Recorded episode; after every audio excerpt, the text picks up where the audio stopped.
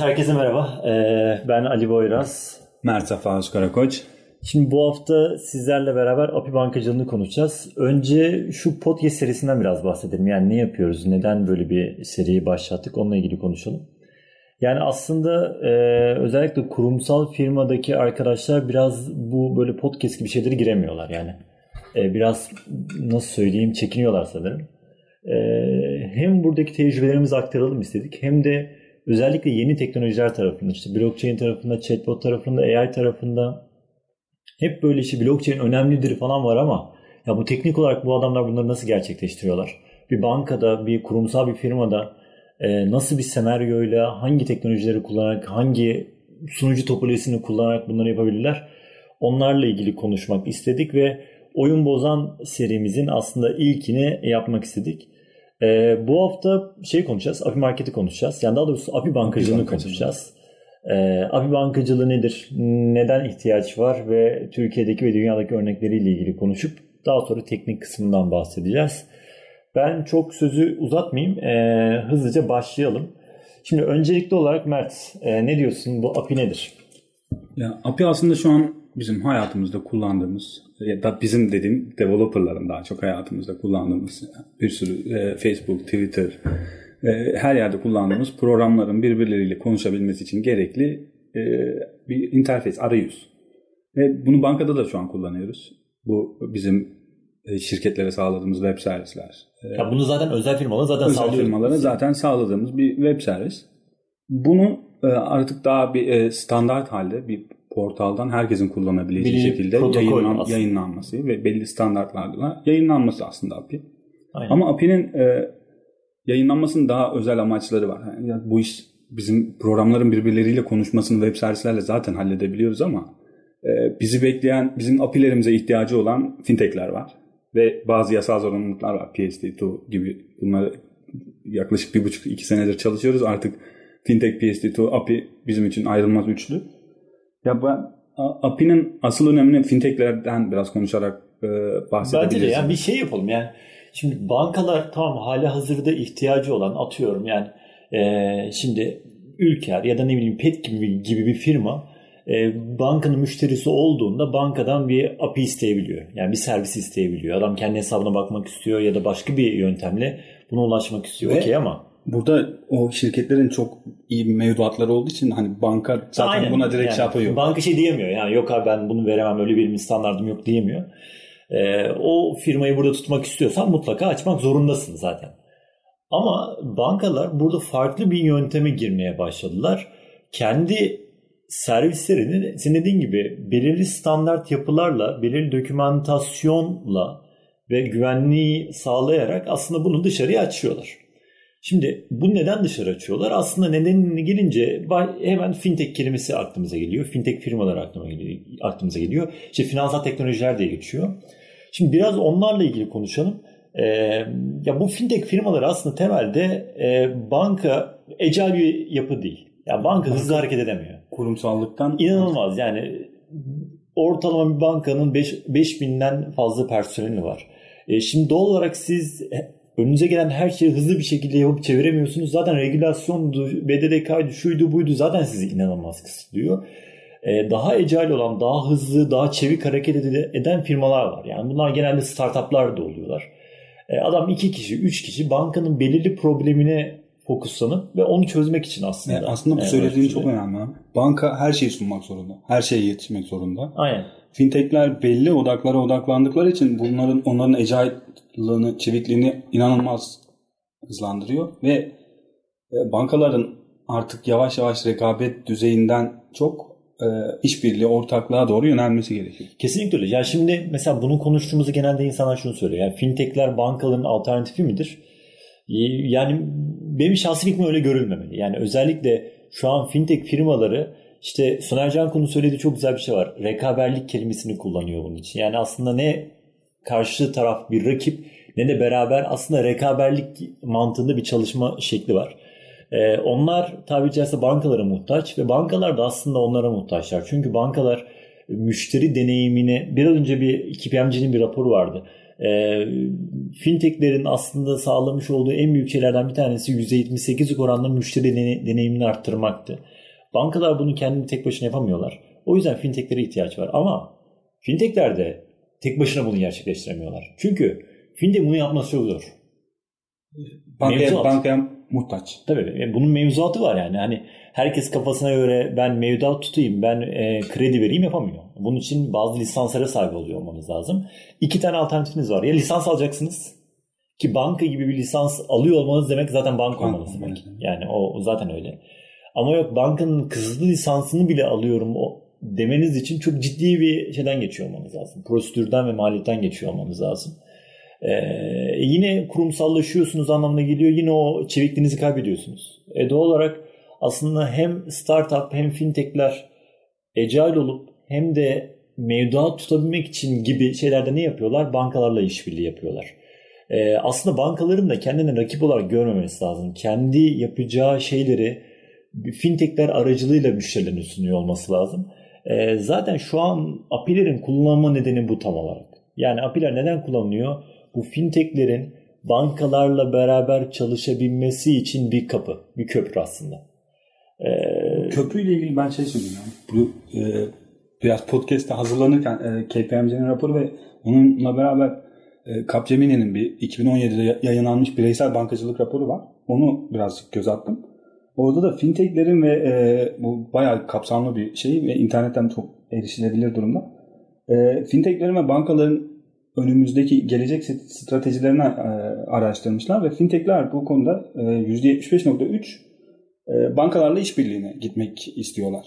E, fintechlerin %18.5'i bankalarla girmeden biz bunu rekabet edebiliriz gibi bir cevap vermişler. Muhtemelen lisansı falan olanlar bu adamlar yani. E, ya evet aslında muhtemelen lisansı olup Tabii. ve belli odaklar zaten belli, belli yani. bir kitleye ulaşmış şeyler.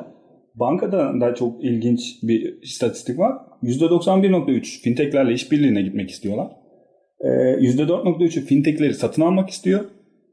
%4.3'ü de fintechlere ihtiyaç duymadan halen yarışa devam edebileceğini iddia ediyor. Ya muhtemelen 4.3 disrupt olacak. Yani, yani o, onun kaçışı yok. Çünkü 20 sene sonra ya şey, bu 4.3'ü Bu nasıl bir mesele biliyor musun? Ben buna şey gibi bakıyorum. Şu an sarı taksi muhabbetine göre bakıyorum. Her ne kadar Türkiye'de e, bunu bir şekilde bir şekilde şey yapsalardı dünyada bu taksi olayları falan bir şekilde şey olacak, değişecek yani. Yani Uber gibi sistemlerle dijitalleşen bir dünyada sen tek başına öyle ayakta kalamaz. O yüzden bankaların da mutlaka mutlaka fintechlerle işbirliği yapıyor olması lazım. Zaten rakamlar onu söylüyor. %90'lık bir %90 plus söyledin değil mi? Evet. evet. %90 plus bir e, banka ben fintechlerle işbirliği yapmalıyım diyor. E, yani bunun tabii bu mutalizm yani. Hem bankalar arasında iyi bir şey var. E, çünkü bankalar biraz önce söylediğimiz gibi yeni teknolojileri takip etmekte, yeni ürünler geliştirmekte, müşteri deneyimini arttırmakta e, o kadar şanslı ve hızlı davranamıyorlar. E, fintechler açısından karlılıkta e, büyük bir pasta bankacılık e, sektörü. Ona aslında girmiş oluyorlar. E, yani mutualizmle her iki tarafta birbirine avantaj, avantaj sağlıyor ve bunun da en büyük şeyi aslında API'ler. Yani API'ler olmadığı müddetçe bu bir beraber yaşama biraz zor. Her ne olur? Satın alma olur. O biraz önceki şey. Şu an zaten Türkiye'deki biraz bakış ona dönmeye başlıyor. Yani ben bir fintech bulayım. Eğer iyi iş yaparsa direkt ona e, satın alıp kendi bünyeme katayım devam edeyim ama fintech aslında bu değil. Yani fintech'in esprisi aynı anda adamın birden fazla bankayla çalışan müşterine o şekilde hizmet veren Müşteri bir şey deneyimini iyileştiren, güzelleştiren aslında bir e, yaklaşım. E, zaten ya bu Capgemini'nin raporlarında da yine e, bir müşteri araştırması da yapmışlar. Bu burada e, araştırmada şöyle bir şey var. E, dünya genelinde e, geleneksel olan bankalar ve fintechlerden hangilerini kullanıyorsunuz diye direkt e, insanlar üzerinden bir araştırma var. E,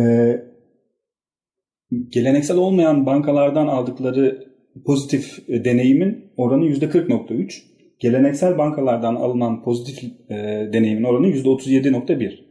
E, bu %37.1'in çoğu da bizim EMEA dediğimiz bölgede henüz fintechlerin çok yayıl, yayılmadığı bölgelerde e, bir şey geleneksel olmayan fintechlere karşı biraz ön yargı var. Ama onun dışında e, Kuzey Amerika'da, Asya Pasifik'te çok ciddi bir fintech eğilimi e, görünüyor raporda.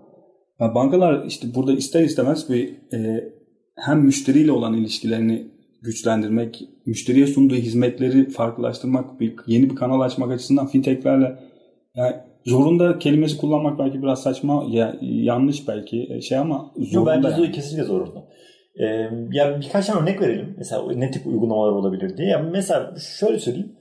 Ee, şu an herhangi bankanın müşterisi sadece kendi hesaplarına ulaşabiliyor. Yani benim öyle bir yapı olsun ki ya benim aynı anda ben 4 tane 5 tane banka kullanıyorum. Ya ben tüm hesaplarıma ben tek bir uygulama üzerinden erişebilsem, bütün harcamalarımı oradan görebilsem aslında süper olur. Ya işte onu yapan firma fintech tam olarak. Ne yapacak? Bütün bankalarla anlaşacak. Ya gidecek adamla sözleşme imzalayacak. Şöyle böyle şeyler yapacak. Ya da bankalar apilerini açacaklar. Diyecek ki bak kardeşim benim hesaplarım apisi budur. Bu şekilde verilerine bakabilirsin diyecek. Bütün bankaları implement eden bir yapı ortaya çıkacak ki o fintech zaten. Onlar o şeyi müşteriye sağlayacak. Şimdi ben kendi müşterime bank olarak kendi müşterime bunu sağlayamıyorum.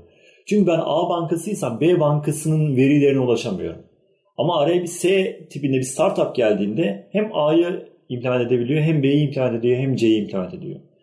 E, bu tip böyle aslında birçok şey var. E, dediğimiz gibi bunun için de API'lere ihtiyaç var. Ha, Türkiye'de dünyada örnekleri yok mu? Var. Yani hani e, o yüzden böyle yeni bir şeymiş gibi aslında düşünmemek lazım bunu. E, ama yani özellikle bunun iyi örneklerine bakıl, bakıldığında dünyada çok güzel şeyler var. Örnekleri var bunun. Ee, şöyle bir Türkiye'ye baktığımızda Türkiye'de durum biraz farklı. Yani e, şimdi Akbank'ın vardı. Yani Akbank'ın var, Yapı Kredi'nin var, Koyu Türk'ün var.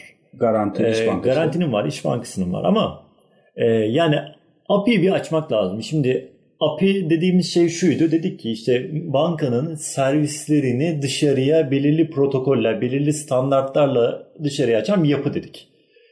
Şimdi bankanın servisleri dediğimiz şey ne? Şimdi banka kredi de kullandırıyor. Aslında burada PSD2 bir tanım yapıyor. Bir account provider ve ödeme payments provider gibi bir şey tanımlıyor. Hesapları ve ödemeleri şey yapan.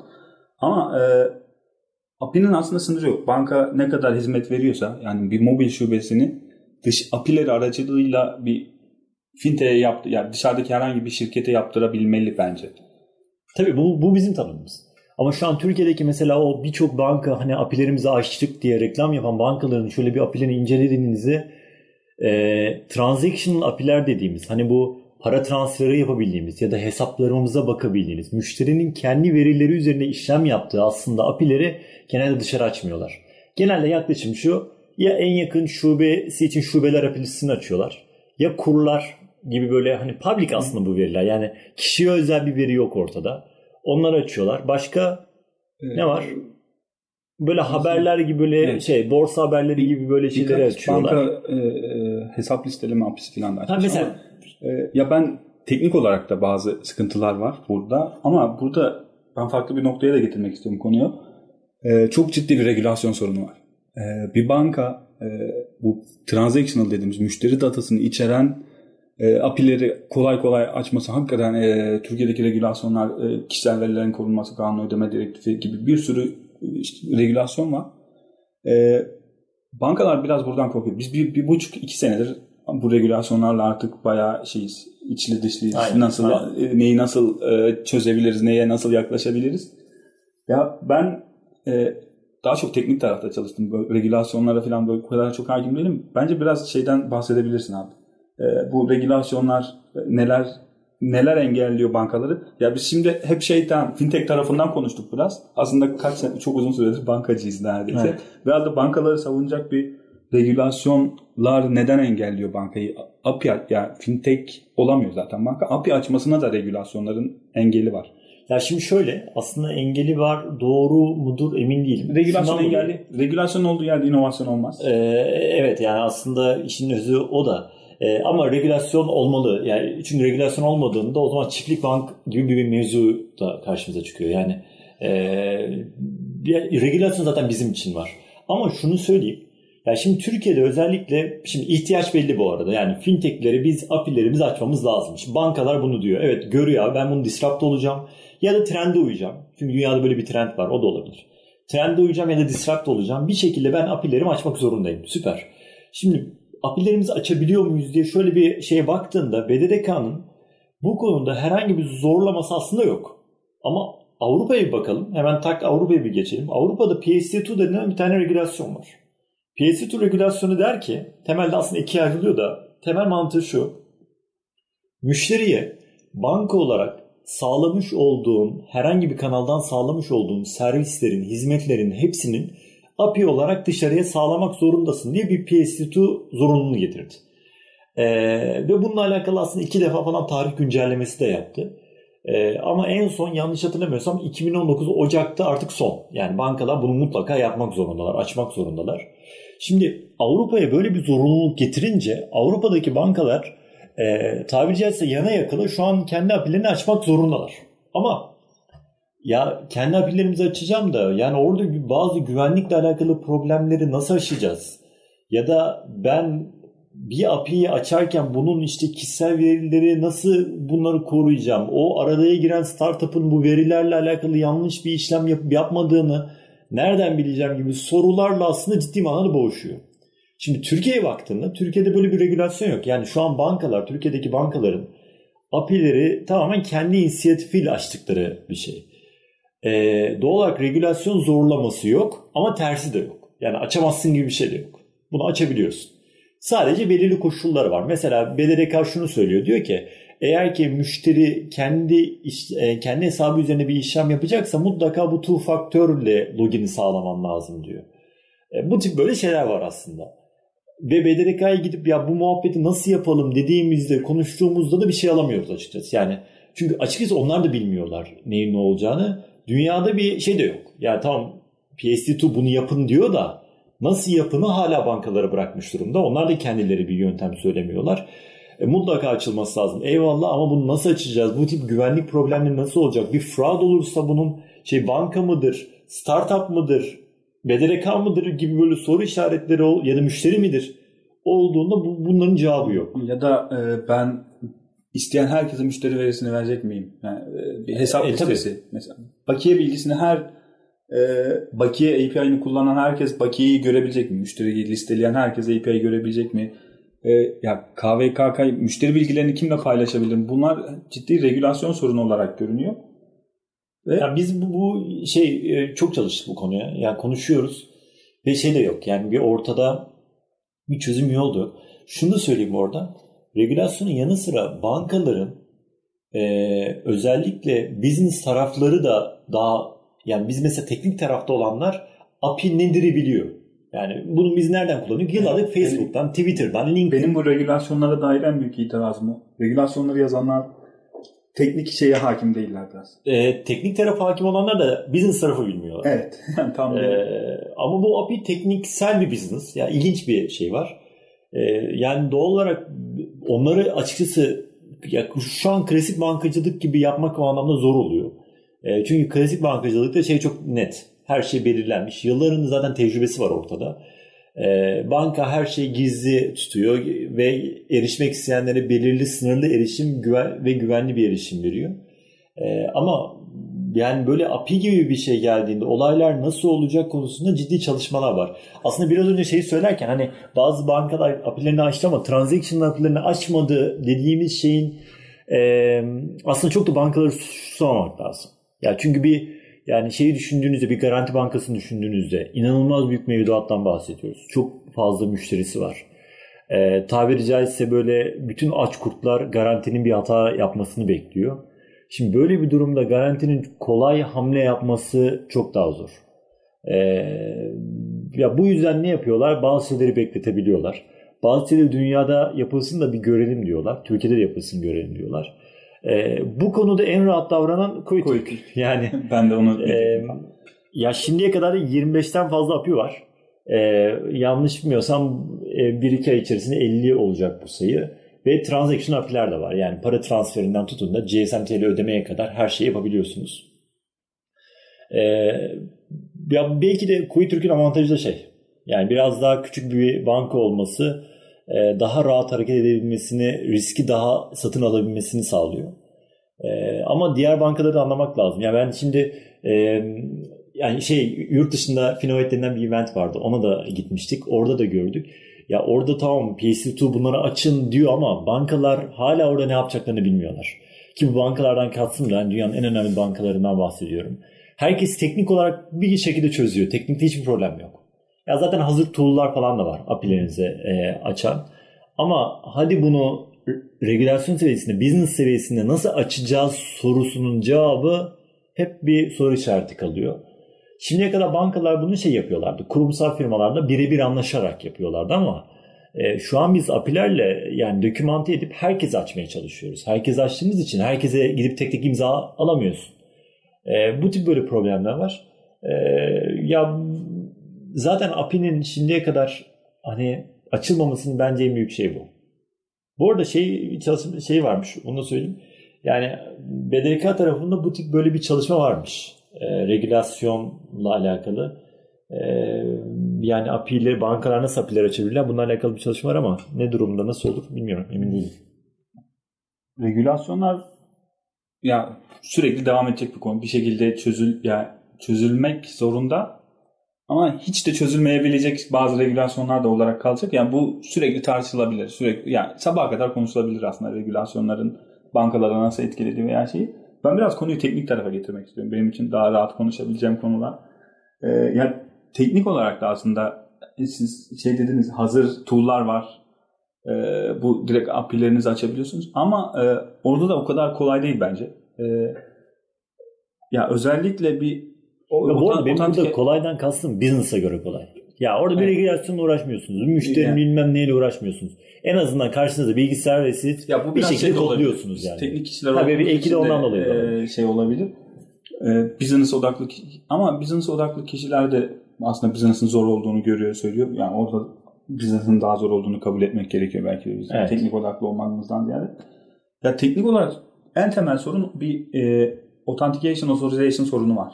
E, müşteriyi eğer müşteriyle bir işlem yaptırılacaksa... Aslında daha da şey güvenlik problemi var. Güvenliğin altında evet, işte bazı evet. şeyler var. Kalemler var. Bunlardan yani, bir tanesi otantikasyon ve authorization evet. aslında. Yani bankalar için en önemli e, teknik sorun. Evet.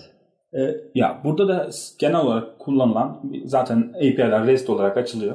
E, bu arada REST olarak açmayanlar çok fazla bankada var. Hem globalde hem Türkiye'de evet. şey e, bu bile halen standarda uymadı. Yani bir basit hesap listeleme API'yi get accounts oluyor, accounts oluyor, account list oluyor. Ya yani çok fazla aynen, şey var. Aynen. Yani burada bile henüz bir ortaklaşa yokken bu e, OAuth 2 aslında şu an tüm dünyanın kullandığı bir e, güvenlik protokolü ve biz penetrasyon testlerini yaptırırken de e, ben şeyleri soruyordum. E, OAuth 2 ile ilgili yakaladığınız senaryo var mı bunun nasıl kırıldığına dair falan. E, hepsi şey diyordu. OAuth 2'nin e, tasarımında bir sorun yok implementasyonunda bir hata olabilir gibi böyle şeyler yapıyordu. Diyelim bütün bankalar o ATK'yi implemente etti bir şekilde. Müşterilerini login ettiriyorlar. Bu arada kim kullanıyor şu an? Mesela Google falan bunu kullanıyor Google, aslında. Yani Twitter, Twitter, yani, Facebook falan e, hepsinde, o, o app'la bağlandırıyorlar. O ATK OpenID Connector evet, üzerinde. Evet. Ee, e, Kuveyt de e, OAuth2'ye bayağı e, yatırım yapmış. İş Bankası'nda da var gördüğüm kadarıyla. İş Bankası IBM'den almış galiba. Tam emin değilim. Çok detaylı. Ya ben de öyle gördüm. En azından şeyden öyle ee, gördüm. Orada da şey var. İtalyan'dan. E, ama bir fintech geldi bir müşteriyi sizin genel API neden gerekli örneği hesaplarını listeleyecek. Ya bütün bankalara e, tek tek otantike etmesi gerekiyor. E, bu, bu bence şeyi bir söyleyelim. Senaryoyu söyleyelim. Yani şu an senaryoda nasıl bir yaklaşım var? Ee, şimdi müşteri gelecek, uygulamayı indirecek bu fintech'in uygulamasını. İsmini Okyanus diyelim. Okyanus'un uygulamasını indirecek ve orada atıyorum Kuveytürk'te login ol diyecek. Kuveytürk'te login ola basınca o out gereği aslında Kuveytürk'ün web sayfası açılacak. Uygulamanın içerisinde ya da ayrı bir browser'da. O web sayfası üzerinden işte sallıyorum müşteri numarasını girecek, şifresini girecek, SMS gelecek, SMS'i girecek Sonra bak bu uygulama senin şu şu şeylerine erişmek istiyor. İzin veriyor musun diyecek ki Google'da falan da böyle olduğu için hani net insanlar biliyorlardır bunu. Eğer onay verirse ilgili token'ı Kuveyt Türk'ün servisi okyanusa döndürecek. Okyanus da artık bunun üzerinden işlem yapmaya çalışacak gibi bir akış var aslında. Ve o token'ın süresi var. Belli Aynen. şeyler sonra şey. Ya burada tek banka için sorun yok. Aslında login with Facebook gibi Ki bir şey. O bile Gayet aslında kullanışlı. Yani şey Evet zor ama tek banka için bu kabul edilebilir. Ya ikinci bir bankada zorlaşıyor. Ya 10 bankanın böyle bir şey istediğini düşünürse kimse o fintech'in uygulamasını kullanmaz. Ya buradaki e, o ortak güvenlik altyapısı user experience'ı cidden çok zedeliyor. Bu nasıl çözülecek? Ee, burada ya bu ben devletin yerine olsam yani bir regülasyon şeyi olsam mutlaka bu bankaların e, ortak ne ona login altyapısını Aslında e-devlet yaparım. Yok. Aslında e-devlet yani. E-devleti bunu ama yapıyor. orada bir şey var. Ee, şimdi evet, birazcık daha teknik olacak olaylar ama e, client credentials hangi client kime register evet, olduğu evet. şeye e, kimi kullanıyor. Ya e, e, devletin bu sefer bunları e, yönetiyor olması yönetiyor olması lazım. Belki ayrı bir şirket ayrı bir firma da olabilir. Mesela şu an bu birkaç tane firma bizimle görüştü. Yani bu tip böyle bir altyapı yapma niyetleri var.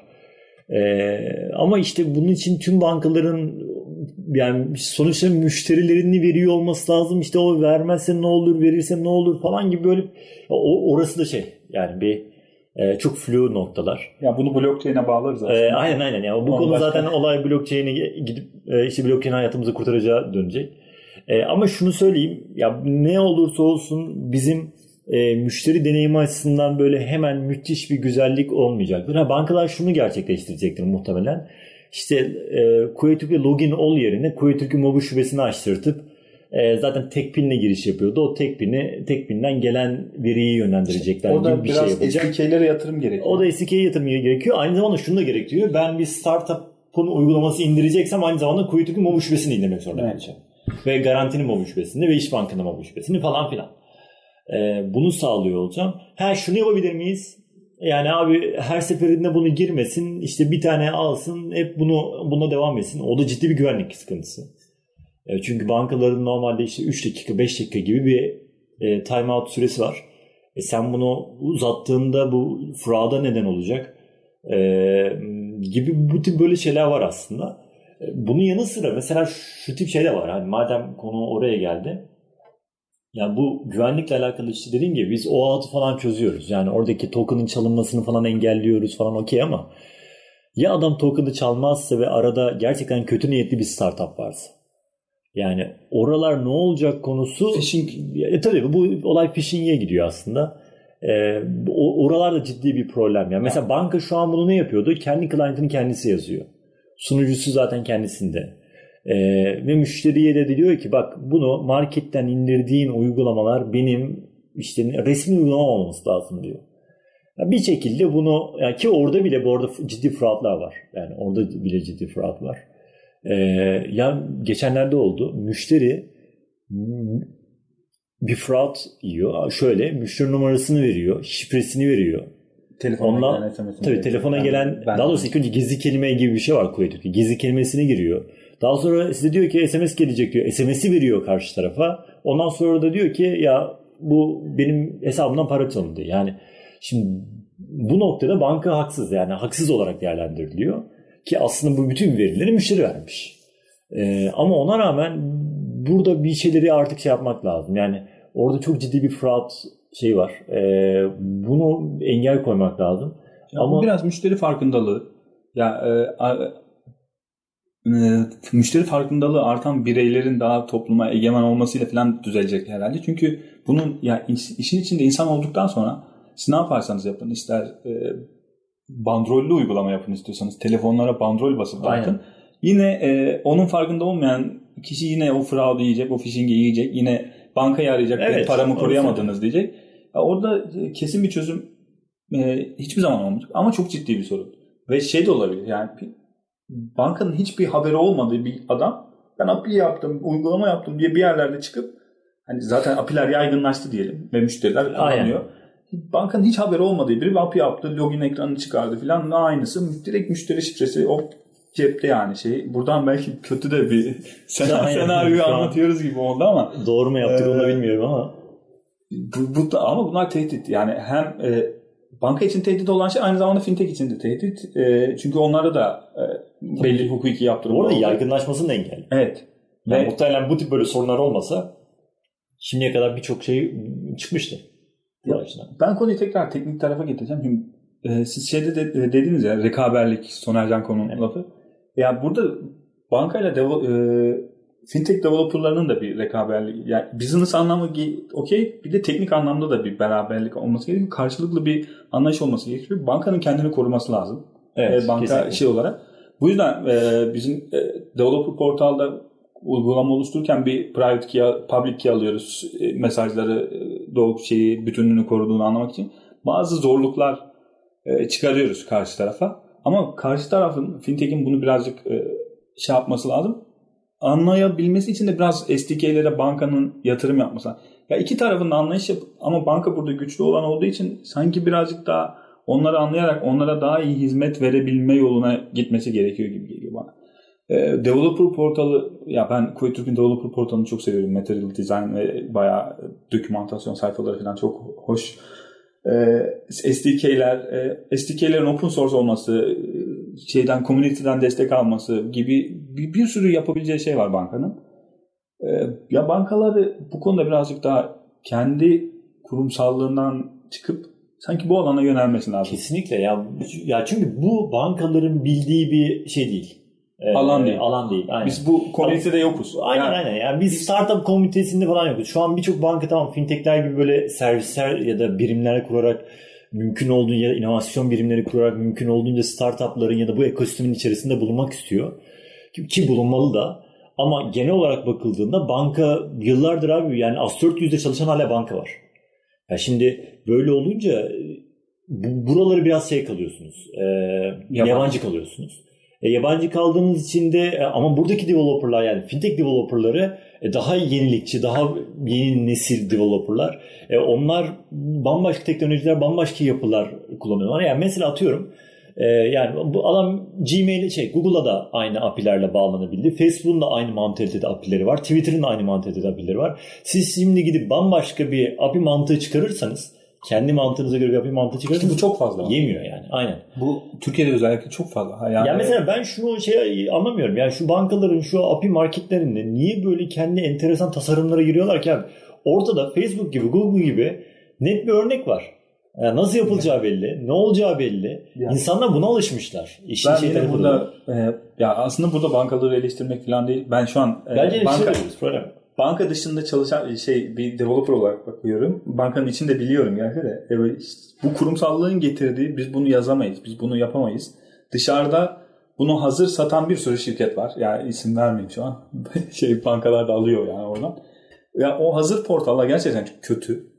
Ee, ve dediğiniz o dünyada kabul edilmiş artık developerların çok sık girdiği Google, e, Microsoft, Facebook. Facebook, Twitter yani artık portalları developer portalları aşmış bir platforma dönüşmüş. Herkes yani Twitter API ile yeni bir Twitter yapabiliyorsunuz neredeyse. Facebook API ile seçim kazandılar şeyde filan. Evet. Yani bayağı şeyler var.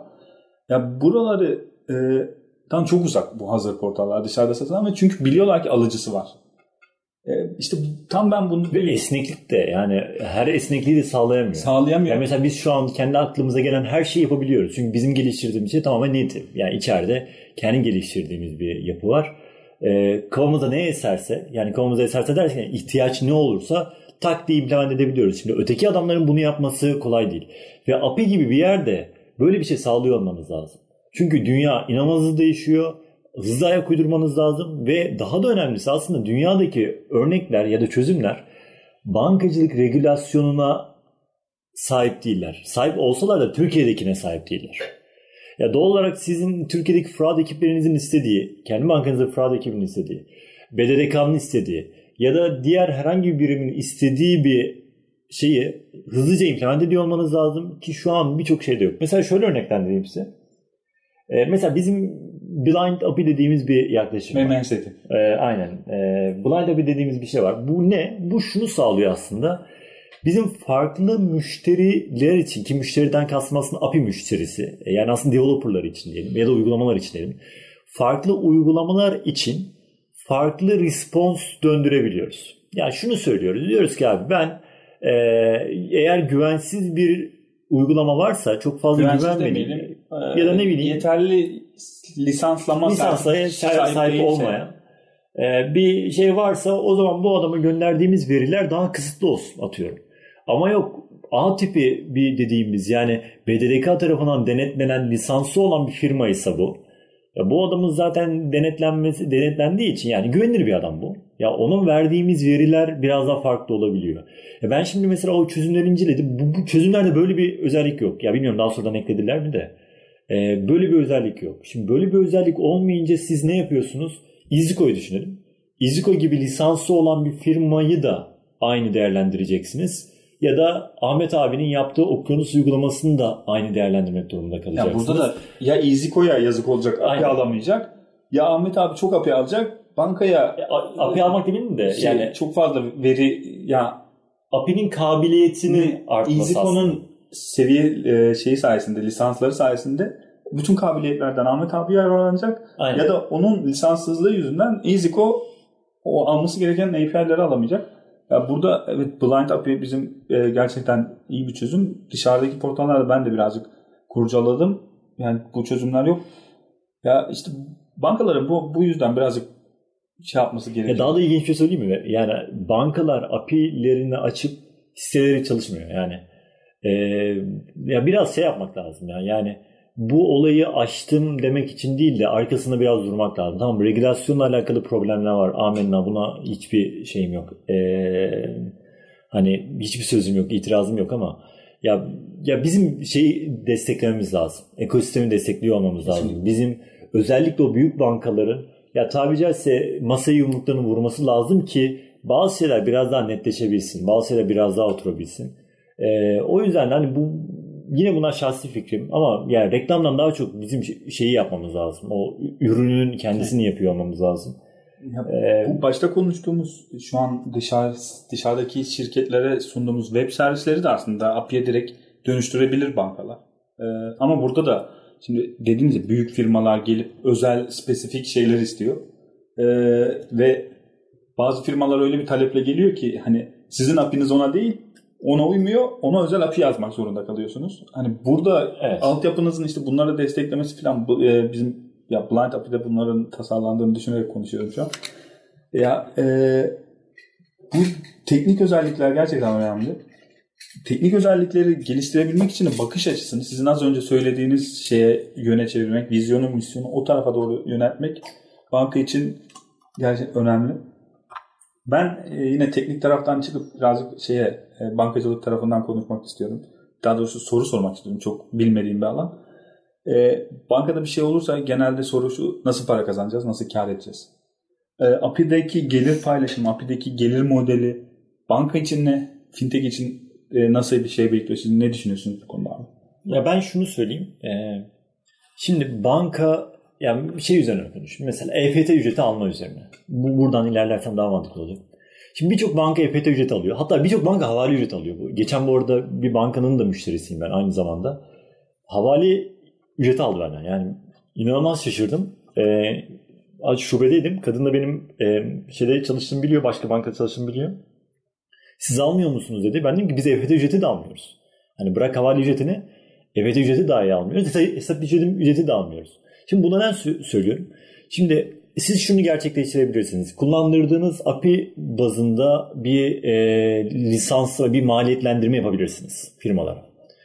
E, ama ki bu havaleden para almak gibi düşün. Ama aynı zamanda havaleden para almayıp ya da EFT'den para almayıp ya da hesap ücreti ücretinden para almayıp sadece o hizmeti sağlayarak aslında müşterilerin memnuniyetini arttırıp bu memnuniyetin üzerinde mevduat toplayıp bu mevduatı işleterek normal bir bankacılık işlemini gerçekleştirerek de para kazanabilirsiniz. Zaten yeni bir kanal açarak bir para kazanma şeyi kuruyoruz. Aynen yani bu şuna dönüyor. Mobi şubesiz ben mesela şey üzerine koyayım. Mobi şube için ben para ödüyor muyum?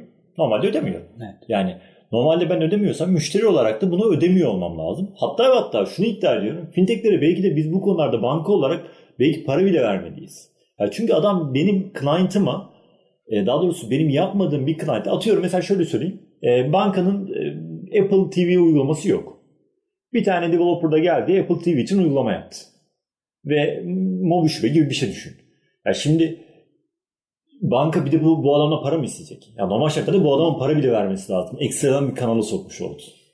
Doğal olarak aslında e, her ne kadar şey olsa da e, bankaların çeşitli yöntemleri olsa da ben burada yöntemlerin şunu şöyle olduğunu düşünüyorum. Eğer ki internet şube ve mobil şube gibi bir servis sağlamış olduğunuz kanallarda bir servis varsa bunu siz API olarak açtığınızda bundan para almıyor olmanız lazım gerektiğini düşünenlerden şahsi olarak. Ama böyle olmadığını biliyorum. Bazı bankalar şunu gerçekleştiriyorlar.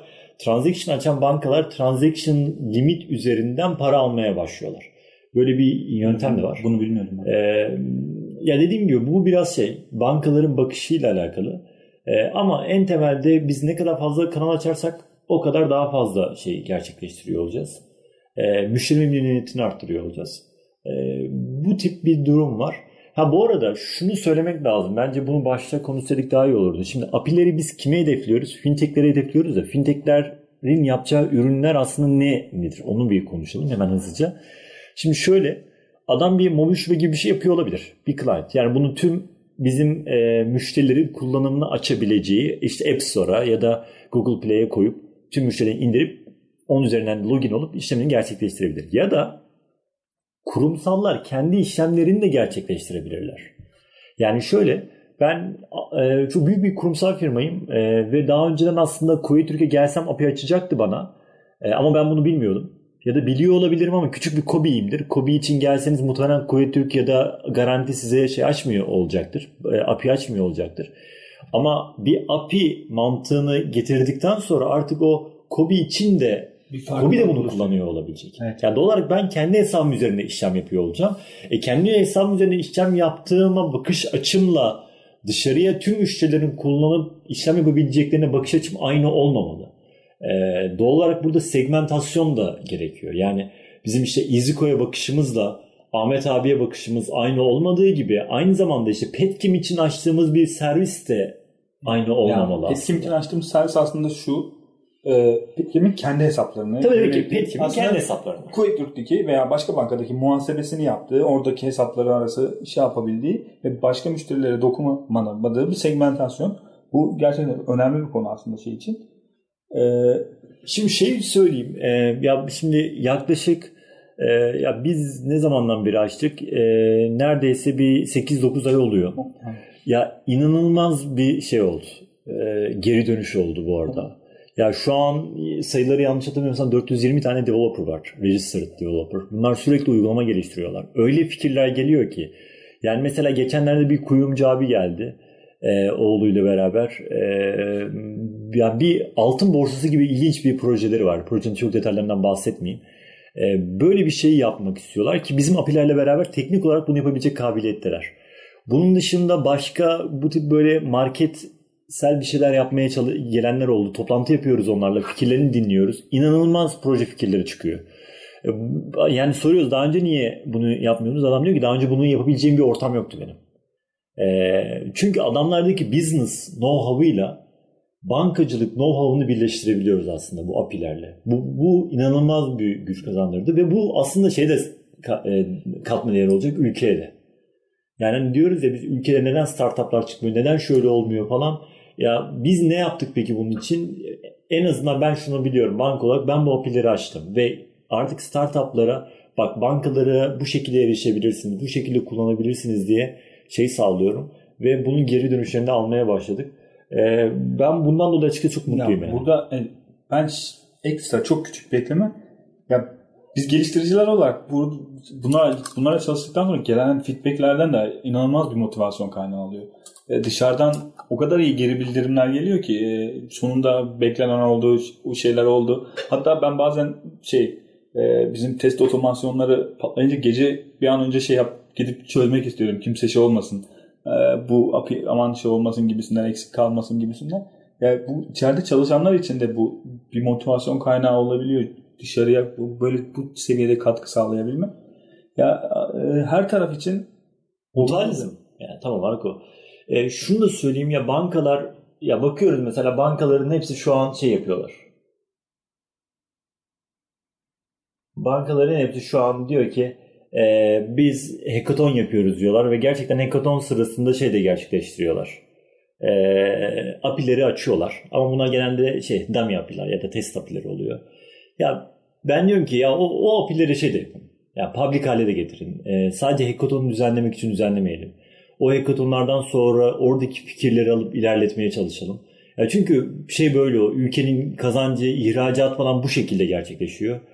Ee, bence yani bu arada bıraksak sabah kadar konuşuruz yani. Evet. Ya çünkü e, zaten üzerinde de çalıştığımız çok, uzun, çok uzun süredir çalışıyoruz. Aynen, ee, Ya dışarıdan şöyle geri bildirimler falan geliyor. Ee, geçen gün bir startup gelmişti. Ee, bizi hiç tanımadığı bir yerde İTÜ, İTÜ'den gelmişti galiba. İTÜ'deki mentorlar işte oraya gidin onlar bu konuda çok çalışmışlar gibi böyle bir öneriyle bize göndermişler. Bizi hiç e, iletişime geçmeden bize ulaşan bir firma. Ya böyle şeyler duyunca yani çalışmakta sorun yok ve anlatmakta da sorun kalmıyor. Hakikaten sabaha kadar konuşulabilir. E, evet. zaten eventlere falan da evet. gidiyorsunuz diyeyim. Aynen. Evet. Aynen. Ama şunu söyleyeyim insanlar şunun farkına varsınlar. Yani biz ne kadar buna çalışsak da e, bazı şeyler elimizde olmuyor. Yani regülasyondan dolayı, o businessal problemlerden dolayı çünkü konunun kendisinin defaultında problem var bazı noktalarında. E, o yüzden hani bazı şeyler hızlıca olmuyor yani onu söyleyeyim. Özellikle yani ne kadar işte ecal olmaya çalışıyorum ben banka olarak deseniz de e, böyle hemen her şeyi yapamayabiliyorsunuz. E, yani bundan dolayı da ma- mazur görsünler bence e, bu tip bunları kullanmak isteyen e, developerlar. Okey. E, bence bu hafta bu kadar yeter. Yani çok konuştuk. Bence de çok konuştuk ama yani keyifliydi. Ben beklentimi karşıladı. Ee, şey, ben de çok ben... şey öğrendim. Yani e, konuşurken de şey oldu. Üzerinden geçmiş olduk. E, biz her türlü desteği vermeye hazırız. Yani bu konuda herhangi bir şey olmasın. E, ama dediğim gibi yani ülke olarak bizim ilerlememiz lazım. E, Avrupa'da gelen PS2 gibi bir şey ülkemizde de olması lazım ki biz de en azından zorunlu bir şekilde bunu gerçekleştirmiş olalım. E, bir sonraki konu görüşürüz o zaman. Teşekkürler. E, görüşmek üzere. Çok sağ olun.